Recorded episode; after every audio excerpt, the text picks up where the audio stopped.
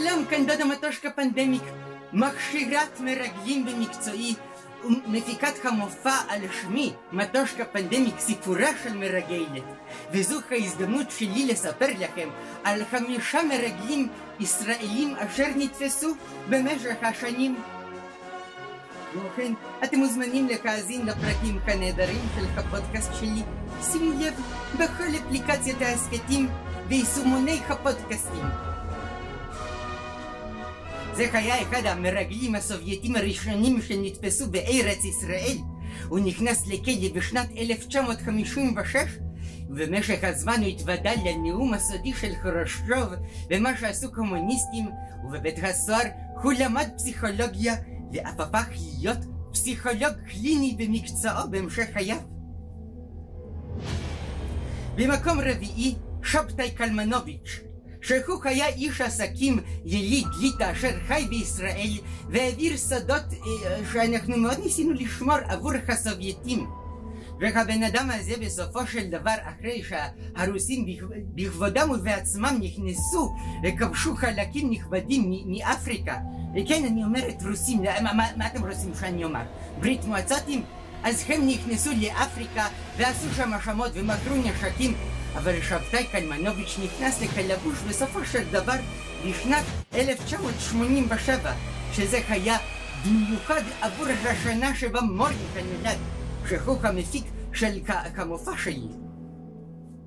במקום שלישי רפעת אל ג'מאל שהוא היה עסקן בבוכלטריה יליד מצרים אשר בסופו של דבר תפסו אותו השלטונות המצרים ואמרו לו נו נו נו נו נו מה שאתה עשית לנו יש לך שתי אפשרויות או שאתה הולך לקלבוש או שאתה מרגל אצל הציונים והוא בסופו של דבר לקח על עצמו את משימת הריגול הוא עלה לישראל דרך צרפת בשמו החדש ז'ק ביטון והעביר מידע למצרים עד שתפסו אותו בישראל ואמרו לו נו נו נו מה זה אתה מעביר מידע למצרים?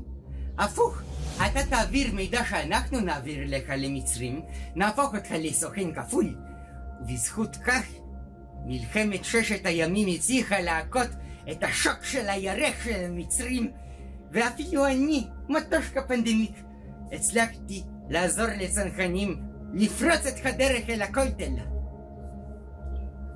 במקום שני שלנו, ישראל בר, שהוא היה מקורב לבן גוריון. ו... אבל בסופו של דבר הוא גם העביר מידע לרוסים. ומה לעשות?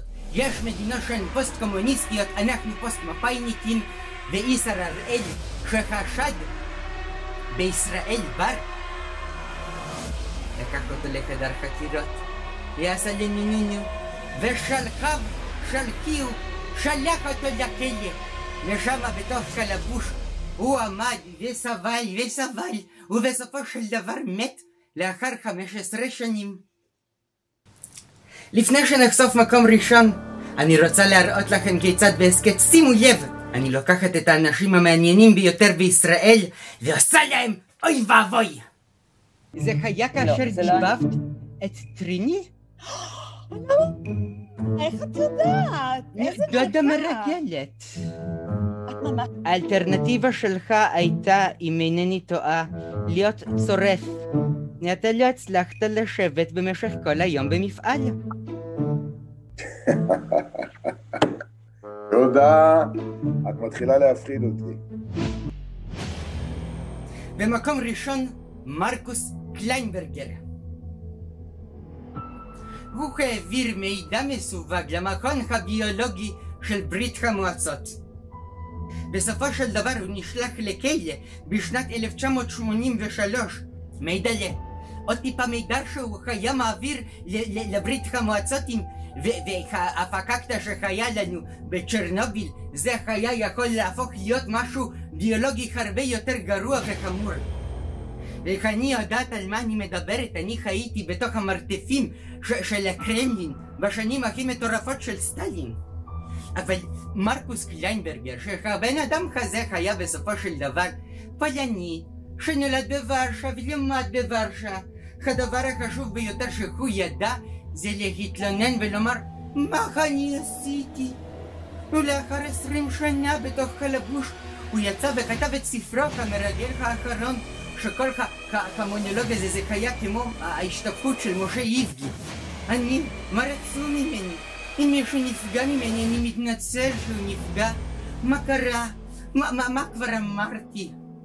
ידה ידה. מה דעתכם על רשימה של דדה? כתבו לי בתגובות.